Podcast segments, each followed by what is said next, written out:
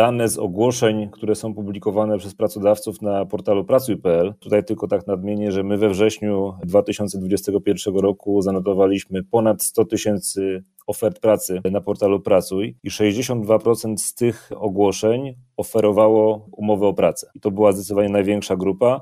Druga największa grupa to były kontrakty B2B, które stanowiły w tej próbie 18%. Kolejne to były umowy zlecenie 8%. Jak odnaleźć się w finansach? Jak sprawić, by pieniądze służyły realizacji naszych celów życiowych? Na te oraz inne pytania odpowiadają goście podcastu Po ludzku o pieniądzach, którego partnerem jest General Investments TFISA i który mam zaszczyt prowadzić. Nazywam się Radosław Budnicki, na co dzień prowadzę podcast Lepiej Teraz i nie jestem internetowym guru zarabiania. Rozmawiam tylko po ludzku o pieniądzach z ekspertami, którzy zrozumiałym językiem tłumaczą zawiłości finansów i to, jak sprawić, by pieniądze nam służyły, a nie nami rządziły. Serdecznie zapraszam. Witam Was serdecznie w kolejnym odcinku podcastu Po ludzku o pieniądzach. Dzisiaj moim gościem jest Łukasz Marciniak, ekspert grupy Pracuj, który od 15 lat zajmuje się zarządzaniem sprzedażą. Łukasz zgodził się opowiedzieć o obecnych praktykach związanych z zatrudnianiem pracowników, opowie o różnych formach zatrudnienia oraz o tym, która z tych form jest korzystniejsza, w zależności od sytuacji właśnie tego pracownika. Wyjaśni też szereg zagadnień związanych na przykład z kontraktem menedżerskim, umową business to business i wiele, wiele innych rzeczy. Także moi drodzy, serdecznie zapraszam do wysłuchania tego niezwykle przydatnego odcinka. Cześć Łukasz. Cześć Radku, witaj serdecznie. Bardzo dziękuję, że zgodziłeś się wystąpić w podcaście Po ludzku o pieniądzach i mam do Ciebie na początek takie pytanie. Czy mógłbyś przedstawić się słuchaczom i powiedzieć, czym zajmujesz się na co dzień zawodowo? Nazywam się Łukasz Marciniak. Na potrzeby tego programu jestem ekspertem grupy Pracuj. Mhm. Natomiast y, na co dzień zajmuję się sprzedażą, zarządzam zespołami sprzedażowymi w spółce e-Recruiter, czyli największym w tej chwili w Polsce systemie do zarządzania rekrutacjami kandydatów. O, czyli jesteś właściwą osobą na właściwym miejscu, jeśli chodzi o dzisiejszy temat. I mam do Ciebie pierwsze pytanie, przejdę od razu do rzeczy. Mhm. Jakie są obecnie praktyki y, związane z zatrudnianiem pracowników, jeśli chodzi o rodzaj współpracy? Mam na myśli, czy jest umowa o pracę, o dzieło, biznes to biznes, od czego to zależy? Więc ja bym w ogóle tutaj jakby zaczynając w ogóle odpowiedź na pytanie, to wprowadził taki jakby podział na wymiary, tak? Bo mamy takie umowy, które y, są regulowane przez kodeks pracy i to jest między innymi tutaj najpopularniejszą jest umowa o pracę, natomiast też mamy współpracę, które reguluje kodeks cywilny, zwane też umowami cywilnoprawnymi i tutaj mowa o wszelkiego rodzaju umowach typu umowa zlecenie, umowa o dzieło, kontrakt menedżerski lub też umowy B2B tak zwane. A czy masz jakąś wiedzę na temat lub statystyki jakieś są dostępne na temat tego, jakie są praktyki, w sensie mhm. jakie proporcje są? Może tak, znaczy, myślę, że tutaj Tutaj najłatwiej będzie nam się poruszać e, w oparciu o dane z ogłoszeń, które są publikowane przez pracodawców na portalu pracuj.pl. Tutaj tylko tak nadmienię, że my we wrześniu 2021 roku zanotowaliśmy ponad 100 tysięcy ofert pracy na portalu Pracuj i 62% z tych ogłoszeń oferowało umowę o pracę. I to była zdecydowanie największa grupa. Druga największa grupa to były kontrakty B2B, które stanowiły w tej próbie 18%. Kolejne to były umowy zlecenie 8%, 2% umowy agencyjne i 1% umowy o dzieło. Także widać jakby tu z tego, że praktycznie no w tej chwili to zainteresowanie tym umowami B2B bardzo mocno rośnie, no i też jakby patrząc na te dane, no to praktycznie co piąta w tej chwili oferta pracy publikowana na pracy.pl jest jakby tutaj, ta propozycja pracy jest w oparciu o umowę B2B. Jesteście, jesteś właściwą osobą na właściwym miejscu, że zadawanie tych pytań, bo pracy.pl zbiera takie statystyki, więc świetnie, ale pytanie do Ciebie. Mhm. Od czego to zależy? Czy są jakieś branże, w których szczególnie dominuje na przykład forma B2B? Znaczy myślę, że w tej chwili jakby taką branżą, która myślę od kilku lat już w tej chwili bardzo że tak powiem, wykorzystuje tą formę zatrudnienia w oparciu o kontrakt, o umowę B2B, jest branża informatyczna, czyli IT. Tutaj jakby ta cała kategoria IT programowanie to jest jakby branża, która w tej chwili ma takich zatrudnień w oparciu o kontrakty B2B najwięcej. Tu też jakby mógłbym się posłużyć jakby też y, danymi z portali, które nie świadczą tylko usług e, ofert pracy dla całej populacji pracowników, a specjalizują się tylko w tym sektorze IT.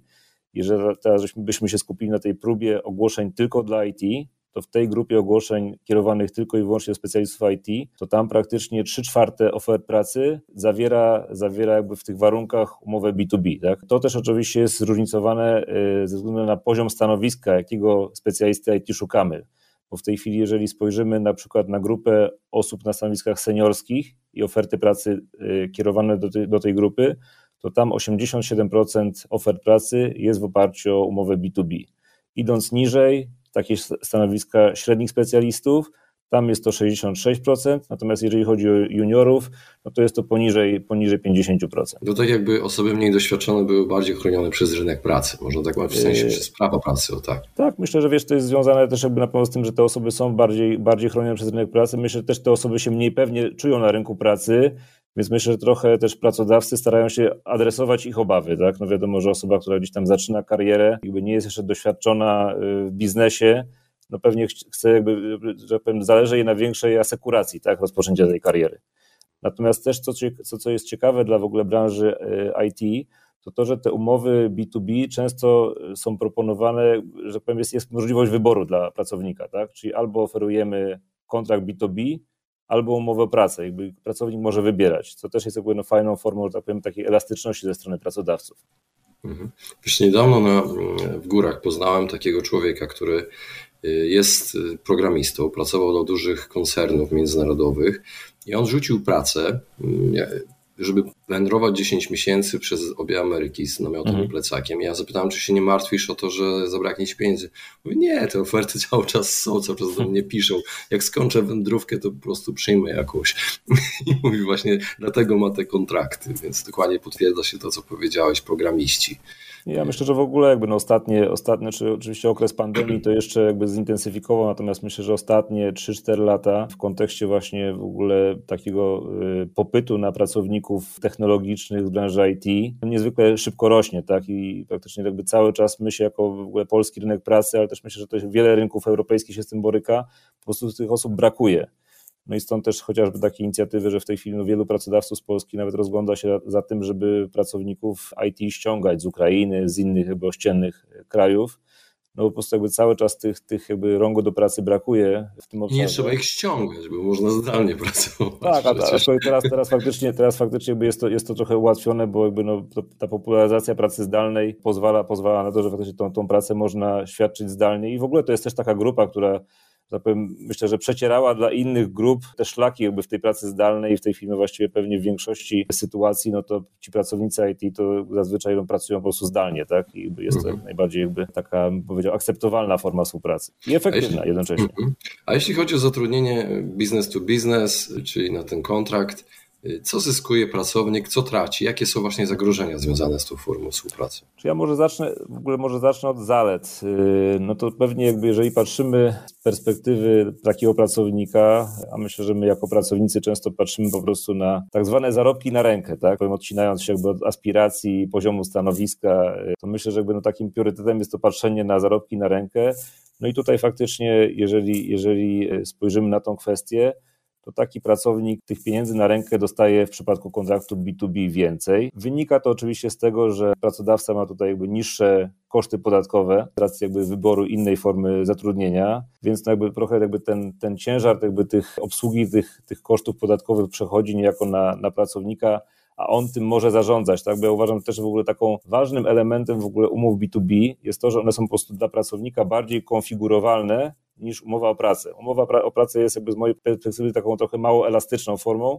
Umowa B2B pozwala na to, że możemy po prostu trochę w tych kosztach pokombinować, tak? Jakby to jest jakby nasza, nasza decyzja. Także z pewnością, jeżeli chodzi o te zalety, to, te, to są te wyższe zarobki na rękę.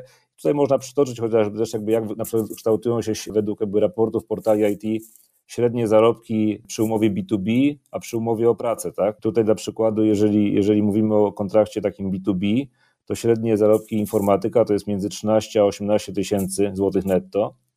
Natomiast jeżeli ta sama osoba byłaby zatrudniona w oparciu o umowę o pracę, to tutaj średnie zarobki byłyby w przedziale między 9,5 a 14 tysięcy złotych brutto, tak? Także widać jakby tutaj tą różnicę.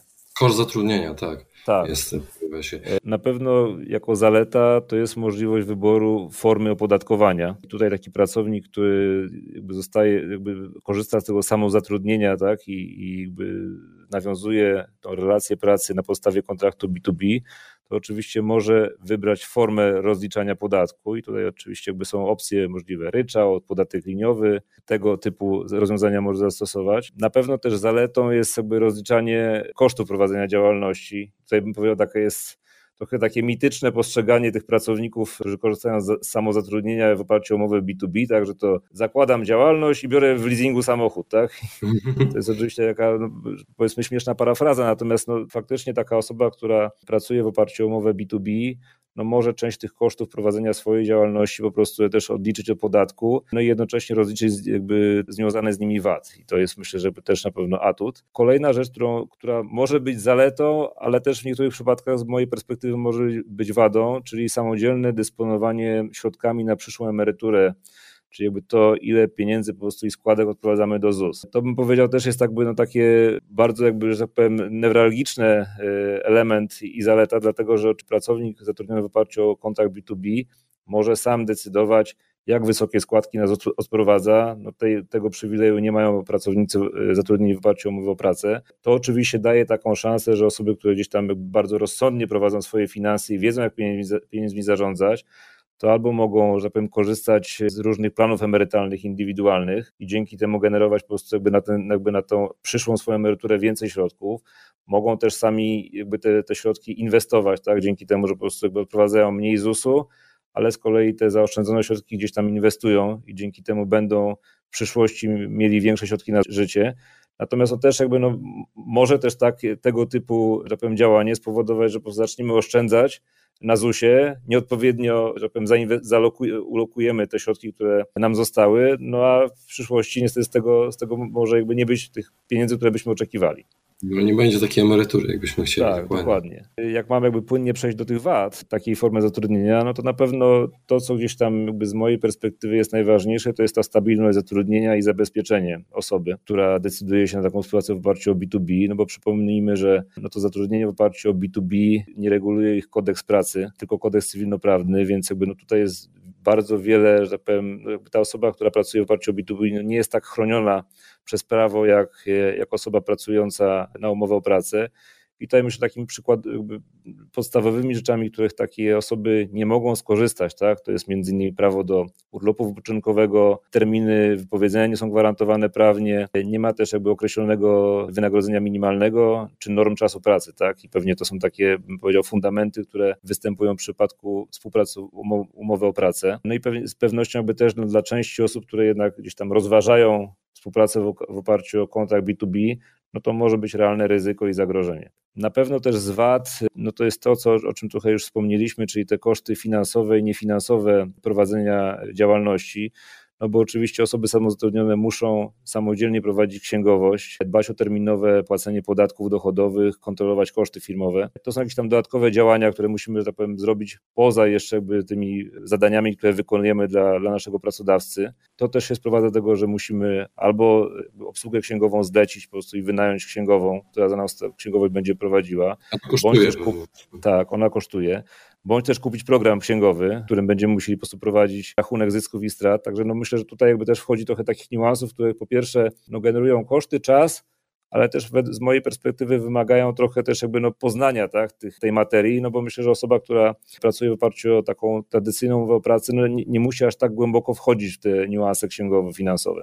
Mhm. I sama rejestracja firmy, czy są jakieś koszty związane z tym, z założeniem tej działalności? W tej, w tej chwili z tego, co ja się orientuję, jakby nie ma żadnych jakby kosztów jakby za, zarejestrowania i założenia, założenia firmy, więc właściwie no pierwsze koszty nam się pojawiają w momencie, kiedy już jakby zaczynamy świadczyć pracę i tą współpracę rozliczać. Także, także jeżeli chodzi o założenie firmy, w tej chwili jakby nie, ma, nie, jakby nie ponosimy żadnych kosztów z, z tytułu rejestracji firmy. Powiedziałeś o tych urlopach. rozumiem, że jeśli jest współpraca biznes to biznes, to po prostu te urlopy L4 to wszystko macierzyński, to wszystko nie istnieje, tak? To tak, to wszystko nie istnieje, no bo tak myślę, że tak nawet mówiąc wiesz co raz z mojego punktu widzenia, bo ja też jakby mam osoby, jakby współpracuję z osobami, które są w oparciu o kontrakty B2B zatrudnieni, no to prawda jest taka, że pracownik wtedy tak z punktu widzenia takich właśnie aspektów tych powiedzmy prawa pracy, czasu pracy, no jest jakby fakturą w systemie, tak? I po prostu jeżeli, jeżeli po prostu on zdecyduje się wziąć urlop, czy skorzystać z urlopu macierzyńskiego, no to de facto po prostu te roboczo godziny, które normalnie by się pojawiły, pojawiły w stosunku pracy i byłyby rozliczone oparciu o umowę o pracę, no w przypadku kontraktu B to po prostu na fakturze nie wystąpią, więc po prostu nie dostaniemy za nie jakby żadnych pieniędzy. A powiedz, jaka jest różnica między właśnie tymi y, umowami B2B a kontraktem menedżerskim? Czy to jest to samo? Właśnie, więc y, ja trochę powiem szczerze, jakby starałem się trochę zgłębić temat, bo mam takie wrażenie, że jakby tu jest trochę jakby to, co jakby jest komunikowane jakby do, że powiem, w różnych mediach, to jest trochę mieszanie dwóch form, jakby niezwiązanych ze sobą, ponieważ tak, jeżeli chodzi o kontrakt menedżerski, to jest to po prostu forma współpracy pracownika z organizacją, która sprowadza się de facto do tego, że pracodawca niejako zleca nam, jako pracownikowi, zarządzanie przedsiębiorstwem. I to bardziej jest, y, myślę, że tutaj dotyczy formy wykonywania zadań. Jakby to nie jest jakby, to jest oczywiście też jest to umowa cywilnoprawna, Y, natomiast, czy może być to umowa cywilna, natomiast kontrakt menedżerski jest formą wykonywania zadań, więc trochę jakby z mojej perspektywy porównywanie kontraktu menedżerskiego do umowy B2B no bo nie jest zasadne, dlatego że y, tutaj dam taki przykład. Kontrakt menedżerski może mieć również formę umowy B2B. Ale nie musi ale nie musi, tak. Natomiast jakby też z, tego, co jakby się jakby sprawdzałem jeszcze z naszymi tutaj prawnikami, to wychodzi, że faktycznie kontrakty menedżerskie, jeżeli spojrzymy na polski rynek, w 99% są zawierane w oparciu o umowę B2B. Natomiast de facto kontrakt menedżerski jest jakby no, umowa cywilno-prawda, która jest jakby niejako określona przez kodeks cywilny jako umowa tak zwana nienazwana, więc ma no, też jakby trochę takie znamiona jakby, że powiem, umowy, w której bardzo dużo można dookreślić już na podstawie pomiędzy stronami tej umowy, tak, czyli pracodawcą a pracownikiem. Czyli tak, umowa o pracę, kodeks pracy, umowa B2B y, kontrakt menedżerski to kodeks cywilny, tak? Tak jest. Rozumiem. Pytanie o oszczędzanie na emeryturę. Powiedziałeś o tym właściwie. Mhm. Odpowiedziałeś y, przy każdej z tych form. Właściwie chyba zawsze możemy wybrać trzeci filar, z tego co się domyślam. Tak, to prawda. Tylko właśnie w wypadku, w wypadku kontraktu menedżerskiego i umowy B2B, umowy cywilne, cywilnoprawnej, my możemy w jakiś sposób regulować to, ile płacimy tego. Dokładnie, tutaj jakby to jest jakby do decyzji, do decyzji jakby tutaj jakby pracownika, tak, ile on jakby de facto na ten ZUS odprowadza. Jakby wysokość składki jest totalnie, totalnie jakby do, do, do decyzji pracownika. No i tak jak my wspomnieliśmy, no jakby to dla osób, które są, że tak powiem, obrotne, wiedzą jak te, jak te środki inwestować, być może może to być jakby no taka dużo bardziej efektywna że powiem, lokata kapitału to na przyszłość. Rozumiem. Jakie kryteria brać pod uwagę, wybierając tę formę zatrudnienia? Mhm.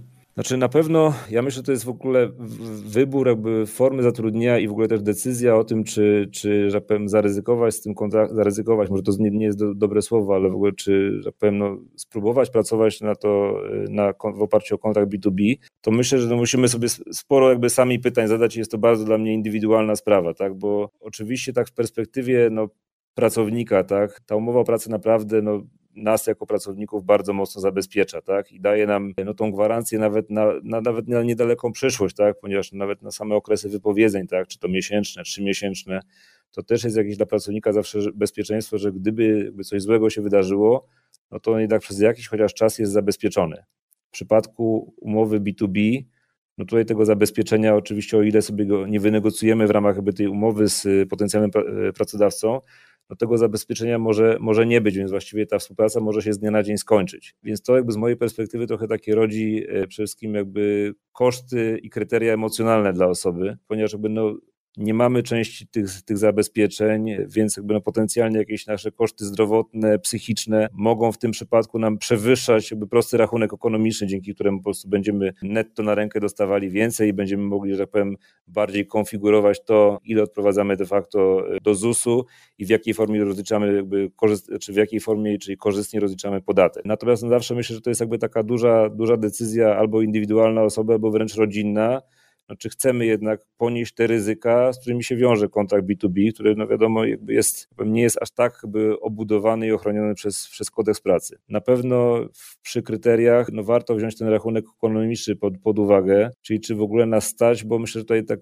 kluczowe jest w ogóle uruchomienie tej własnej działalności i start jakby w tą własną działalność, tak? Myślę, że podejmując decyzję musimy bardzo bacznie jakby przeanalizować naszą obecną sytuację, czy nas po prostu stać jakby na ten, na ten rozruch, tak? Bo wiadomo, że potencjalne uruchomienie działalności gospodarczej w pierwszych dniach, tygodniach może nam generować koszty, które będziemy musieli ponieść, a, a, pamiętajmy, że prawdopodobnie pierwszą fakturę wystawimy dopiero na koniec pierwszego miesiąca pracy. Także myślę, że tutaj jakby szczególnie w przypadku osób, które decydują się przejść z tej umowy o pracę na umowę B2B, no to może być gdzieś to jakby zderzenie się z nową rzeczywistością. No i na pewno jakby też co jest kryterium, to wydaje mi się, że każdy musi sobie indywidualnie odpowiedzieć na pytanie, jak bardzo, że tak powiem, dobrze porusza się w kwestiach podatkowych i prawnych, czy ma czas jakby śledzić te wszystkie zmiany i niuanse, które, które tam zachodzą, dlatego że no, prowadzenie działalności i zatrudnienie w oparciu o tą umowę B2B no wymusza niejako na nas po prostu konieczność takiego kontrolowania tych aspektów podatkowych i prawnych. Musimy po prostu w tych,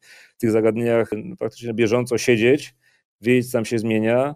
No też myślę, że w kontekście nawet chociażby też, że tak powiem, zmian, które prawdopodobnie może wprowadzić nowy ład tak, w 2022 roku, no to szczególnie będzie, będzie tutaj kluczowe, żeby, żeby tak powiem, się dobrze w, tych materii, w tej materii poruszać. No to są trochę takie rzeczy, które no po prostu jeżeli, jeżeli odpowiedź jakby z naszej strony brzmi tak, że tak, znamy się, chcemy się tym interesować, chcemy to monitorować i mamy czas to robić, no to z pewnością jakby tutaj na pewno warto rozważyć tą współpracę w oparciu o umowę B2B. Natomiast jeżeli wiemy z góry, że jesteśmy osobą, która no, nie porusza się płynnie po tych kwestiach, nie ma czasu ich śledzić, no bo oczywiście ma nie wiem, zobowiązania rodzinne, dzieci inne obowiązki, no to pewnie bezpieczniejsze dla nas, bezpiecznie dla nas jest przyjąć takie kryterium po prostu umowy, umowy o pracę, bo będzie nam po prostu łatwiej funkcjonować z pracodawcą w oparciu o, tak, o taką formę zatrudnienia. Mhm. Na koniec właśnie, takie rzeczy jak koszty możemy policzyć w kalkulatorach dostępnych. Chyba mhm. nawet na Pracuj.pl jest taki kalkulator, ale czy są jakieś czynniki właśnie pozafinansowymi, które warto e, brać pod uwagę? To już tak na, na koniec naszej rozmowy. Mhm. Znaczy, to pewnie też jakby jest wiele, z mojej perspektywy jest wiele form, e, w których możemy świadczyć jakby tą, tą umowę B2B, tak? I na pewno to jest też taki, bym powiedział, trochę taki, przyjęło się u nas jakby tak na, na rynku, powiedzmy, albo tak w obiegowej opinii, że taka osoba właśnie, która prowadzi własną działalność, to ona ma w ogóle w ciągu dnia dużo czasu, bo ona pracuje kiedy mhm. chce. Często tą osobę możemy spotkać, nie wiem, w ciągu dnia w domu, albo na zakupach i to jest jakby takie normalne, jakby, czy normalne, w tej obiegowej opinii może być normalne dla, dla jakby innych obserwatorów z zewnątrz. Natomiast też pamiętajmy tutaj, że no, w związku z tym, że tych regulacji kodeksu pracy jest zdecydowanie mniej w przypadku takich umów B2B, tej naszej ochrony, no to też jakby, no, uważam, że też jakby takim sporym ryzykiem i zagrożeniem jest to, żebyśmy się w tej trochę współpracy w oparciu o samozatrudnienie nie, nie, nie zatracili, tak? Bo z pewnością jest trochę tak, że no, jeżeli pracujemy w oparciu o kontakt B2B i prowadzimy tą własną działalność, no to szalenie ważna i bym powiedział jest kluczowa taka no, indywidualna dyscyplina, tak? Po prostu pilnowanie tego Siebie naszego samego. Tak. tak. tego naszego biznesu, bo my de facto jesteśmy po prostu jednoosobową firmą, tak? którą, którą prowadzimy i no, w przypadku takiego prowadzenia jednoosobowej firmy, po prostu tam trochę jest tak, że to trzeba bardzo mądrze tym zarządzić i nie ma za bardzo czasu na takie przestoje, tak? żeby, żeby sobie na nie pozwolić. Bo jesteśmy de facto no, tutaj zależni tylko od siebie. Mhm. Czyli tych czynników jest sporo do rozważenia, zanim podejmiemy decyzję, jaką formę współpracy wybrać, która będzie dla nas e, korzystniejsza. Dokładnie tak. Łukaszu, bardzo Ci dziękuję za rozmowę. Dziękuję również. Mam, mam nadzieję, że powiem, te nasze dywagacje się przydadzą osobom, które rozważają w ogóle, że powiem, któryś z kierunków. Myślę, że na pewno. Dziękuję. Pozdrawiam. Dziękuję serdecznie. Właśnie wysłuchaliście podcastu Po ludzku o pieniądzach. Mam nadzieję, że Wam się podobało. Jeśli tak, poświęćcie swój czas, proszę pozostawić swoją recenzję na Apple Podcast. Jeżeli macie pytania lub propozycje dotyczące kolejnych audycji, piszcie do mnie na fanpage'u Po ludzku o pieniądzach i do usłyszenia następnym razem. Pozdrawiam serdecznie.